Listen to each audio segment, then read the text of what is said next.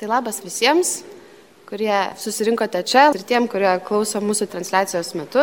Bažnytinio paveldo muziejus, minėdamas Vilniaus 700 metų jubiliejų ir Švento Jozapato metus, tęsia renginių ciklą Kievo krikščionybės skaitiniai Vilniuje. Ir šį vakarą su mumis yra istorikas, daktaras Darius Baronas ir jo paskaita apie Kievo ir visos Rusios metropolitą Izidorių ir jo nuopelnus Lietuvai. Prašau dar. Pirmosios dalies pradžia.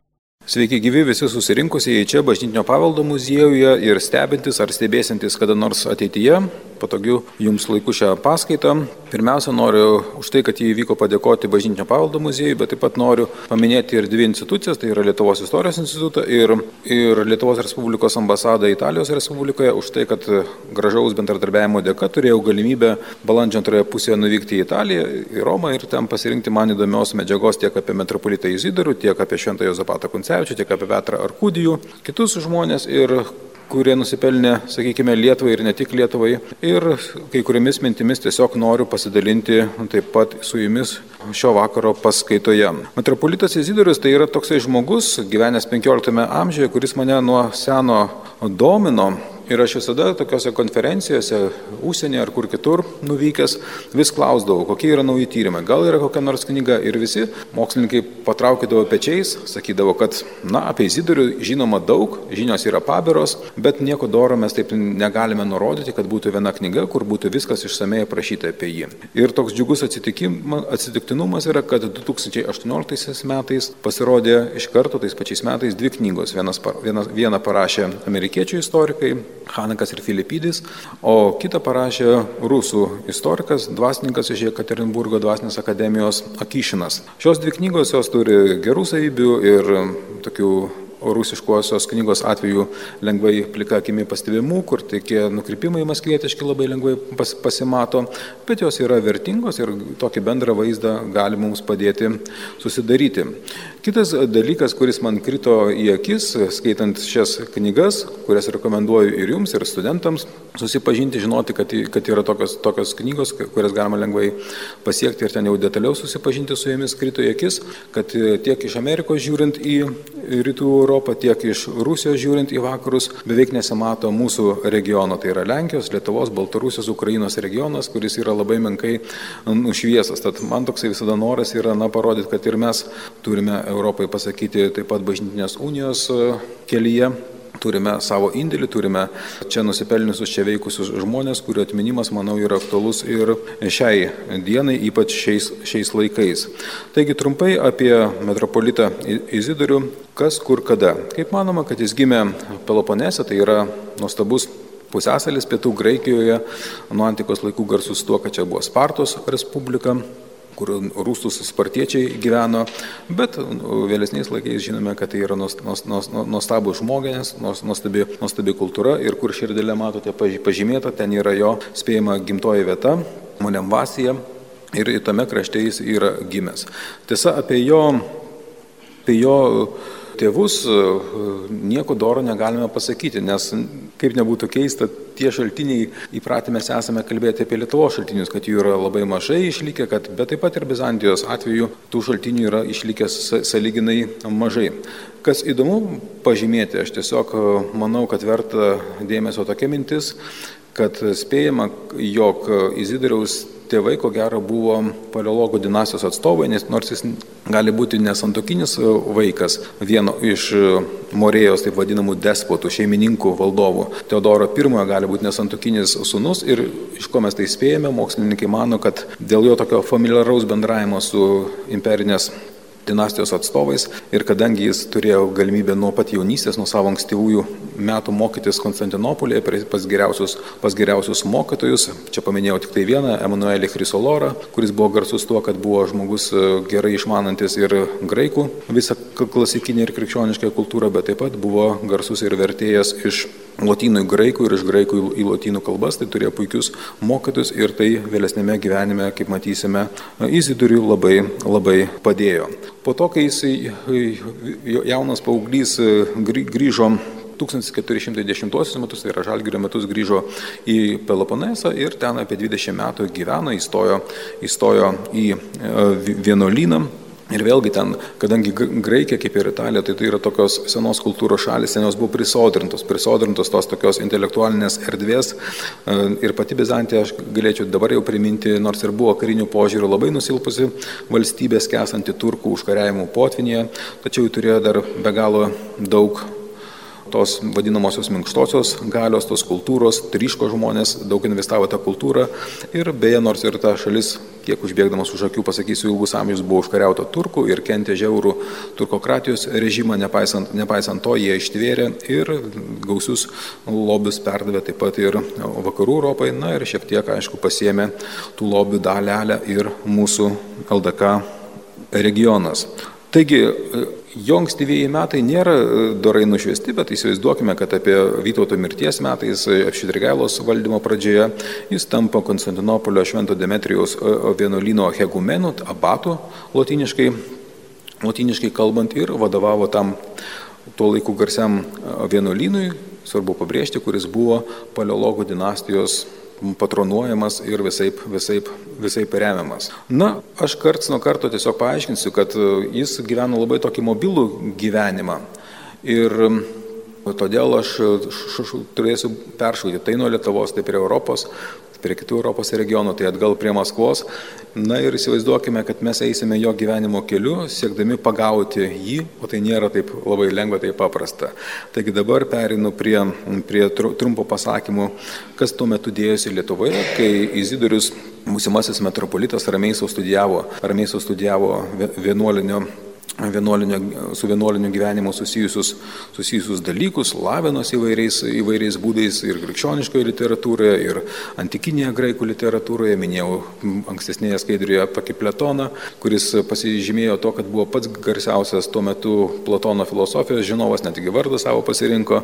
Ir kaip įdomybę galiu pasakyti, kad jis buvo tiek pasinešęs į Platono tyrinėjimus ir jo filosofiją, kad netgi prie, prie to, kad reikėtų atkurti tokias idealias, idealią valstybę, kokią Platonas įsivaizdavo ir netgi buvo žmogus nusivažiavęs ar pasiekęs, sakykime, tokį lygį, kaip kas pažiūrėtų, bandė netgi atkurti antikos dievų panteoną ir regis, kad iš tikrųjų buvo netgi tapęs tokiu antikinės Graikijos dievų išpažinėjų ir garbintojų. Bet buvo žmogus išslavinęs ir netgi minėjau, kad jo mokiniais buvo tokie žymus mokytojai kaip artimas vėliau draugas Besarionas Nikėjos, Nikėjos metropolitas Markas Efeso, metropolitas, kuris buvo idėjinis, vėliau tapo Izidoriaus priešininkas, bet taip, taip pat ir Izidoris. Tai visi šie žmonės toje aplinkoje, apie tai tik tai trumpai miniu galima iliustruoti, kiek buvo ta rafinuota ir turtinga graikų kultūra.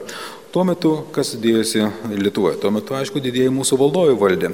Jogaila, Jogaila ir Vytutas. Ir e, nuo pat Lietuvos krikšto turime turėti omenyje, kad kai Lietuva pasuko prisijungimo prie krikščioniškų Europos tautų šeimos politikos, na vėlgi atitenka jai garbė ir šansas dalyvauti tuose dalykuose, kurie judino ir jaudino tuo metu visą Europą. Tai visų pirma krikščionybės plėtra, gynimas nuo, nuo turkų keliamo pavojaus ir vienas iš tokių karštų dalykų buvo bažnytinės unijos reikalas, nes rytų ir vakarų bažnyčios buvo tarpusėje, kaip žinia, jau keletą amžių pasidalinusios, susipykusios, ta istorija yra tokia turinti daug šešėlių, nors ir turi ir šviesių e, spindulių.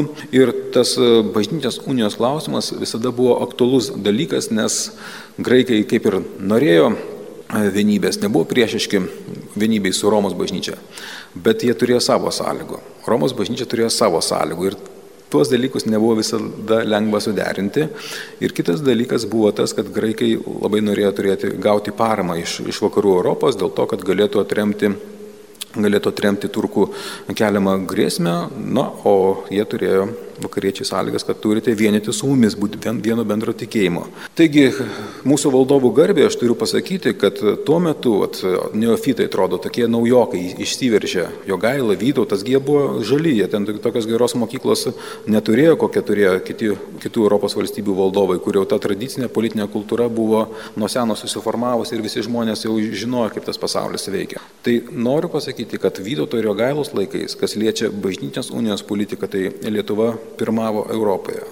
Čia tas dalykas yra kaip ir kai kurie faktai yra žinomi, kai pats Jogaila ir Vytautas yra pagarsėję tuo, kad 1397 metais netgi svarstė siūlymus tokius teigia, kad reikėtų susirink, sukviesti bendrą visų krikščionių susirinkimą kažkur tai Rusios žemėse, na ir čia imti ir išspręsti tą bažnytinės unijos reikalą kartą, kartą ir visiems laikams. Tie dalykai, kuriuos čia skaidrėje rodo, yra seniai žinomi, bet jeigu mes padedame į to meto Europos kontekstą, jie labai gauna tokių įdomių, įdomių aspektų, nes e, tuo metu Europoje Romos katalikų bažnyčia buvo labai tokia, nu, kaip sakykime, pasikėlus ir labai pasitikinti savimi.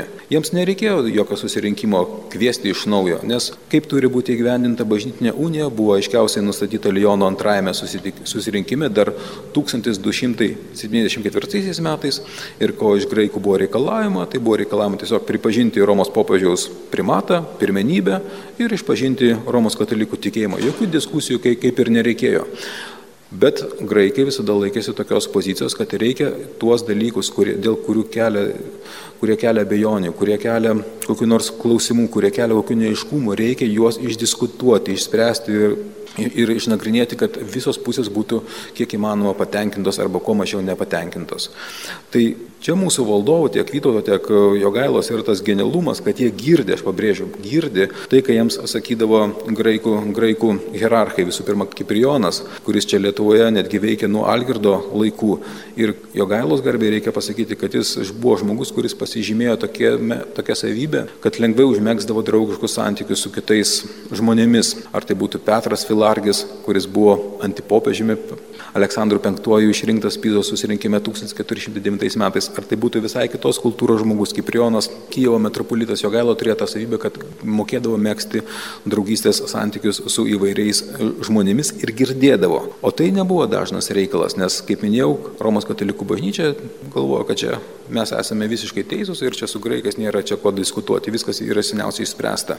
Ir kaip nebūtų keista, tie tokie dalykai, vat, kaip susirinkimo idėjos, tarptų netgi šviesiausių Europos protų, kaip Jean Gerson, galima paminėti Paryžiaus universiteto rektorių, jie kažkur tik tai žalgirio epochos laikais pradėjo kalbėti, kad galima būtų iš tikrųjų suorganizuoti su, su bažnytinius susirinkimus, spręsti tokiems klausimams.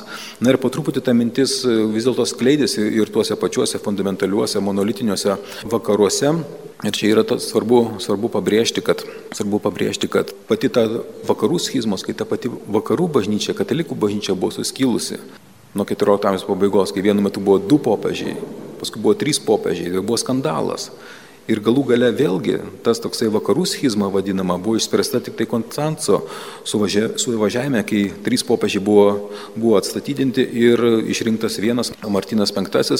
Ir vėlgi tai parodė, kad per susirinkimą, per tą tokį konciliaristinį judėjimą galima spręsti seniai įsigalėjusias, įsisenėjusias bažnytinės, bažnytinės problemas ir ta tokia jau vakarų bažnyčios pagyjimo, išgyjimo patirtis buvo taip pat e, naudinga tuo, kad leido jau vakariečiams labiau išgirsti, ką sakydavo jų draugai, oponentai graikų, graikų bažnyčioje.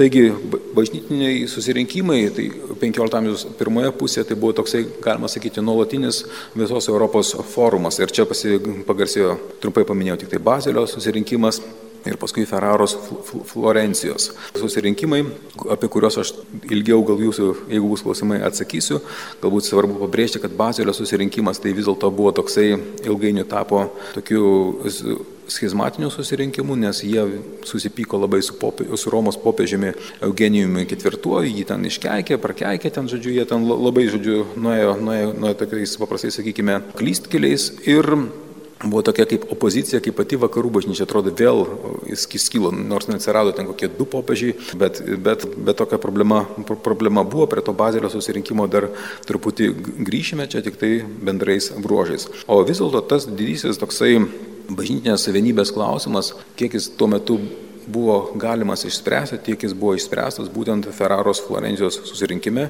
Ir čia aišku tie patys graikai, visų pirma, Konstantino Bizantijos imperatorius Jonas VIII paleologas daug pasitarnavo ir taip pat, ir taip pat Konstantinopolio patriarchas Juozapas II. Bet to, bet to Jonas VIII paleologas, čia Lietuvos publikai malonu būtų priminti, kurį laiką buvo, o gal ir, sakykime, liko taip pat Vytauto, Vytauto mūsų didžiojo kunigaikščio žentų, nes jis buvo vedęs jo, nu kaip savotiškai žentų, buvo, buvo vedęs jo Vytauto anūkė Ona. Tai buvo, taip sakant, Vytautas vedybinių kelių susikiminiavęs su Jonu VIII nu, paleologu. Tuo metu, kai Bazelio susirinkimas dar nebuvo nuvažiavęs nuo bėgių, nu, tuo metu dar buvo visos viltis dedamos į, kad būtent tas bažnytinės unijos klausimas bus tame forume ir išspręstas. Ir čia kaip tik buvo tokia pirmoji proga Izidoriui pasi, pasireikšti kaip bažnytinės politikos įgyvendintojui, nes jis e, turėjo reikiamą tą pasitikėjimą ir buvo oficialios delegacijos narys, e, kurią išsiuntė Bizantijos imperatorius Jonas VIII paleologas ir jis vykdamas į vakarus, aišku, susitiko Ulme su kitu įspūdingu valdovu Jogailos ir Vytauto amžininku Zygmantu Luksemburgu ir ten pasakė tokią žymę garsę, garsę kalbą, kurias aš tik tai tokią trumpą ištrauką pateikiau, na, kad bent mes truputį pajaustumėm, kiek tie žmonės buvo išsilavinę ir tarkime, jis be galo tą Zygmantą Luksemburgą gyrė už tai, kad jis Konstanco susirinkime pagydė vakarų bažnyčią nuo schizmos, ta bažnyčia kaip iš naujo ir surinko atstatė, gražino jeigu turėta nuo seno garbę. Ir vėlgi čia labai, man atrodo, kaip graikas jis taip labai dosniai pažymėjo, kad tas bažnyčios suvienimo reikalas pranoksta tas pergalės, kurias yra senieji garsus valdovai pasiekę, ar tai būtų graikų pergalė prie maratono, ar Aleksandro didžiojo pergalės, ar, ar karaliaus kyro pergalės prieš priešus ten garsiuosius. Nesako, jeigu tu, jie nuglėdo tik tai savo kūnais kūnus, tai tu savo dvasia ir savo sielos gale įveikiai nematomą priešą ir vėl atstatėjai bažnyčią, bet tą darbą turi toliau tęsti ir darbuotis bažnytinės vienybės klausimą, taip pat Europos gynimui nuo nuo, nuo musulmonų agresijos ir, ir panašiai, panašiai. Tai jis čia Bazilio susirinkime 1434 metais jau pasireiškė kaip aktyvus bažnytinės vienybės šalininkas.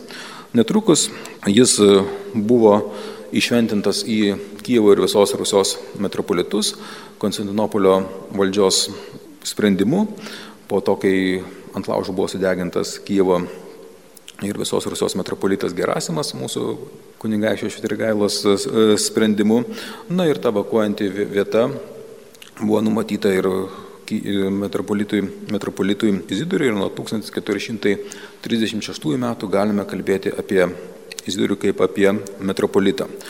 Tuo metu jis persime, galima sakyti, uoliai vykdydavos, ėjo savo pareigas ir ilgai netrukęs atvyksta, atvyksta į Maskvą, aišku, kirto LDK teritoriją, bet čia jam ypatingai kažkokių ryšių neužmesgė, na ir toliau vyko į Maskvą, nes ten buvo toksai, na, sakykime, didžiausias priešiškumas vienyb, bažnytinės vienybės klausimui, būtent Maskvoje reiškėsi ir jis kai buvo teisėtas metropolitas, vis dėlto įtikino didįjį kunigaikštį Vasilijų II, Vytauto beje anūką, jo Sofijos, dr. Sofijos sūnų išleisti į bažnytinį susirinkimą.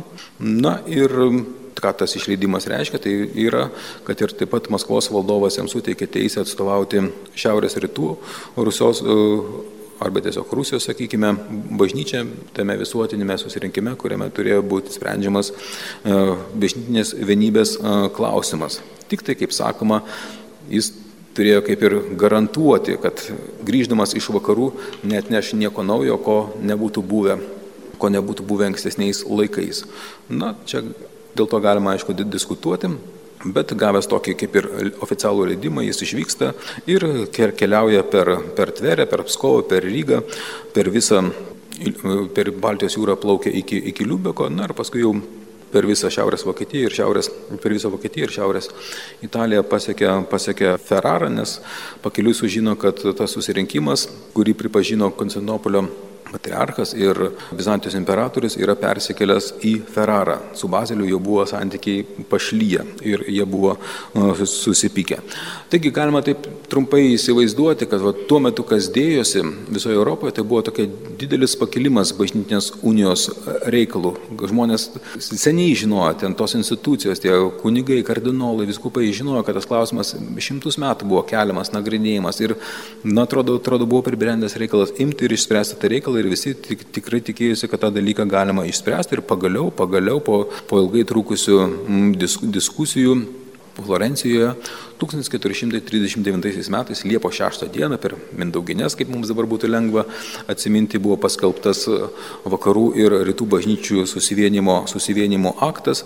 Ir šiame reikale daug taip pat nusipelnė Ne tik tai tam tikrus kompromisus darė vakarų bažnyčios atstovai, bet taip pat ir iškylus graikų delegacijos atstovai, be Jono VIII paleologo, Juozapo II, taip pat aktyviausiai, aktyviausiai ir daugiausiai nuopelnų tam reikalui padėjo Nikėjos metropolitas Besarionas, beje garsesnis už mūsų Izidorių, na ir taip pat Izidorius. Dažnai yra klausima, kad čia istoriografija yra didelė ginčiai, ar čia buvo toks politiniai sprendimai, gal jie ten unija buvo tokia nenuširdį, galbūt čia graikai tik norėjo tos tokios materialinės naudos iš, išgauti dėl to, kad jiems gelbėtų Konstantinopolį ir viskas, gal čia taip ir taip. Bet čia tie dalykai, nu kaip dažniausiai tokie vertinimai mūsų šio laikinių istorikų ir šio laikinių žmonių nuotaikų yra, manau, įtakojami ir rimtesni tyrimai rodo, kad iš tikrųjų buvo stengiamasi nuoširdžiai visus tokias abejonės, kurias, kurios skyrė mokymą tiek vakarų bažnyčios, tiek rytų bažnyčios, ar tai būtų klausimas dėl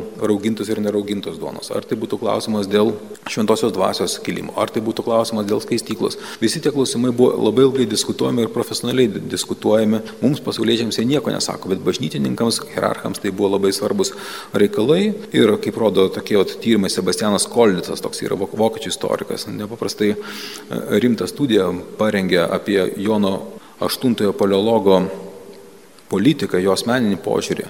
Ir tiesiog žmogus pateikė, kaip buvo ruošiamasi, kaip buvo įtakojami tie dalykai, kaip buvo diskutuojama ir tikrai pateikė tokį labai sveiką požiūrį, leidžiantį teikti, kad iš tikrųjų čia nebuvo vien tik tai, kaip mes sakom, ar tai politiniai išskaičiavimai, ar kažkokie socialiniai užsakymai, tai buvo tikrai rimtai žmonės dirbo. Ir dauguma, beje, aišku, graikų, graikų hierarchų nuoširdžiai pasirašė, kai kurie, tik tai vienas Markas Efesietis buvo labai jau toksai reiksmingas prie, prieštarautojas bažnytiniai unijai. Na ir vienas toks, toks, toks liko, bet nepaisant to, nepaisant to, aktas buvo, buvo pasirašytas ir nu, ta pati unija džiugiai, džiugiai skelbiama.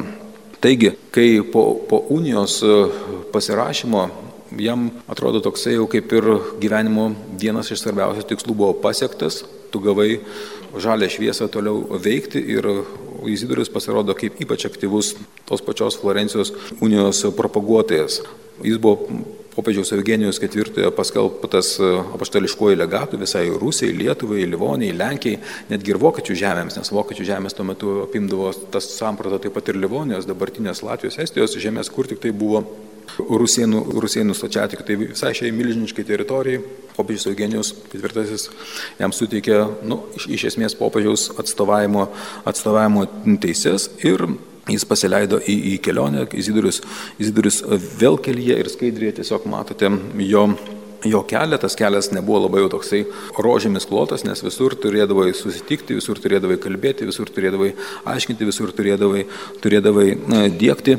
Ir po to, kai 1440 metų kovo 5 dieną jis Budapešte, noriu sakyti Budoje tuo metu, bet Budapešte, sakykime, kad šiuolaikiniam žmonėms būtų jam lengviau suprantami, jis paskelbė tokį manifestą, encikliką, kurioje aiškina apie Florencijos sudarytos unijos reikšmę. Ir čiagi vėlgi labai gražiai ir entuziastingai kviečia džiūgautis ir džiaugtis visiems, ar tai būtų graikų tikėjimo žmonės, ar tai būtų lotynai, nes skelbia, kad bažnyčia susivienijo ir visi galime džiaugtis tą vienybę, kuri nuo amžių buvusi ir vis, visis tie prieštaravimai, visa ta nemeilė, vis, vis, visi tarpusavio nesutarimai yra, yra yra panaikinti.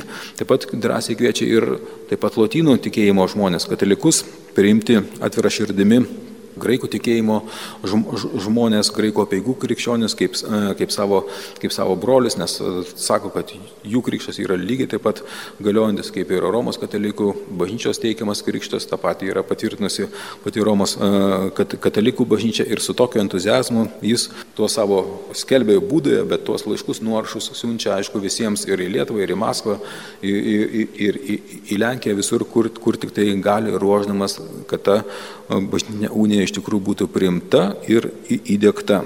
Na, o kas tuo metu vat Lietuvoje? Taip minėjau, kad Vytauto ir Jogailos laikais tai Lietuva pirmavo bažnytinės unijos fronte, bet žinia po Vytauto mirties Lietuva ištiko toksai tragiškas deš, dešimtmetis, kai buvo išrinktas toksai, nu, kaip nestabilus ir neadekvatus toksai valdovas kaip Štrigaila, paskui po jo atėjo vėlgi toksai Aš jam daug gerų žodžių negaliu rasti. Žygimantas Kestutaitis ir visa ta Lietuva po iš pradžių karas su Lenkija dėl Podolės, Valūnės ir dėl visokių, visokių kitų, kitų dalykų. Jau atrodo viena problema. Ji dar labiau komplikavosi, kai kilo karas tarp Šitrigalos ir Žygimanto Kestutaičio.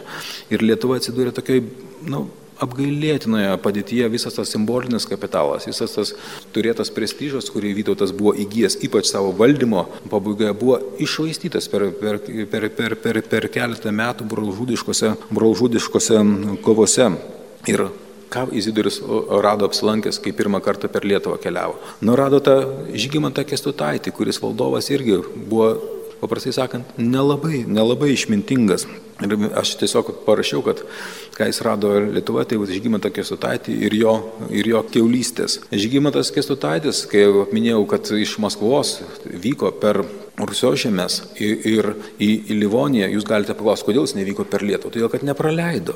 Todėl, kad nepraleido Žygimantas Kestutaitis. Ir tai buvo nu tokia bravūra, tokie kaip neatsakingi veiksmai.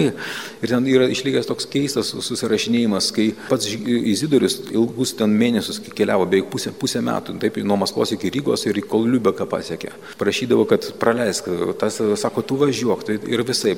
Bet, bet kiti žmonės, kurie pasiūsti, sako, kad tas pasalas Žygimantas Kestutaitis spėsdavo, kad jį ten pagautų, dar kažkokias tokias intrigas, tai jis dėl to bijojo koją net į Lietuvą įkelti. Įsivaizduot, koks tai yra tarptautinis šiaip skandalas, nes tie dalykai, jiegi ataidėdavo, iki, ar tai iki Bazilio, ar tai iki Romos, na tai buvo skandalingas elgesys. O skandalingiausias elgesys čia jau mūsų istoriografijoje, kai kas yra atkreipia dėmesį, kai jis prašo, tarpininkaujant Vokiečių ordino didžiajam magistrui Pauliui Rusdorfui, kad, nu, leisk man pravažiuoti per tą palangos pajūrį, ten kokie 8 km. Tai Žygimantas Kestaitis netgi to nesuteikė saugumo garantijų. Sako, tu pat žinai, didžiajam magistrui sako, kas tie žemaičiai, aš negaliu jų kontroliuoti. Bet jeigu norėtų, tai būtų kontroliavęs. Būtų ten nusiuntęs šimtą bajorų būtų ramiai pravažiavęs tas Izidorius. Bet ne, užsispyrę, negalima pravažiuoti ir viskas. Nors dalis uh, Izidoriaus pasiuntinybės kurie ten su gurguolė visą pravažiavo savo ramiausiai per tą palangos pajūrį, per Klaipėdą, toliau per, per, per Karaliaučių ir jie sausumą keliavo. O paties Izidoriaus nepraleido, nepraleido ir jis turėjo jūrą plaukti, kol, kol sulaukė, kol ledai Baltijos, tai jūroje bus, bus ištirpę 1438 m. pavasarį. Tai toks elgesys, žodžiu, toks nedekvatus, mane dabar yra tokia svetima gėda, sakykime, dėl to meto Lietuvos valdovo ima. Taigi, kitas e, dalykas, ką rado Lietuvoje, tas Izidorius, kai jau kaip legatas, kai grįžta, kai grįžta atgal jau paskelbęs džiugę žinę apie Florencijos uniją, jis, jis randa Vilnius viskopą Motiejų. Motiejus tai buvo, na vėlgi, fanatiškas Bazilio susirinkimo šalininkas, kuris nepripažino nei popiežiaus Eugenijaus, nei ten to Florencijos susirinkimo nutarimo, nes jo nuomonė tas Eugenijus tai buvo kažkoks Gabrielius. Ir viskas. Ir buvo toks užsiciklinimas, toks siaurokaktiškas įtikėjimas ant savo ten teisumu, kad jis e, atrodo jokio kontakto žmoniško net neužmesgė. Ir čia iš tikrųjų yra labai, labai sunku iš dalies paaiškinti, kaip va taip gali žmonės būti tiek neadekvatus. Galima sakyti, galima bandyti aišku, aiškintis.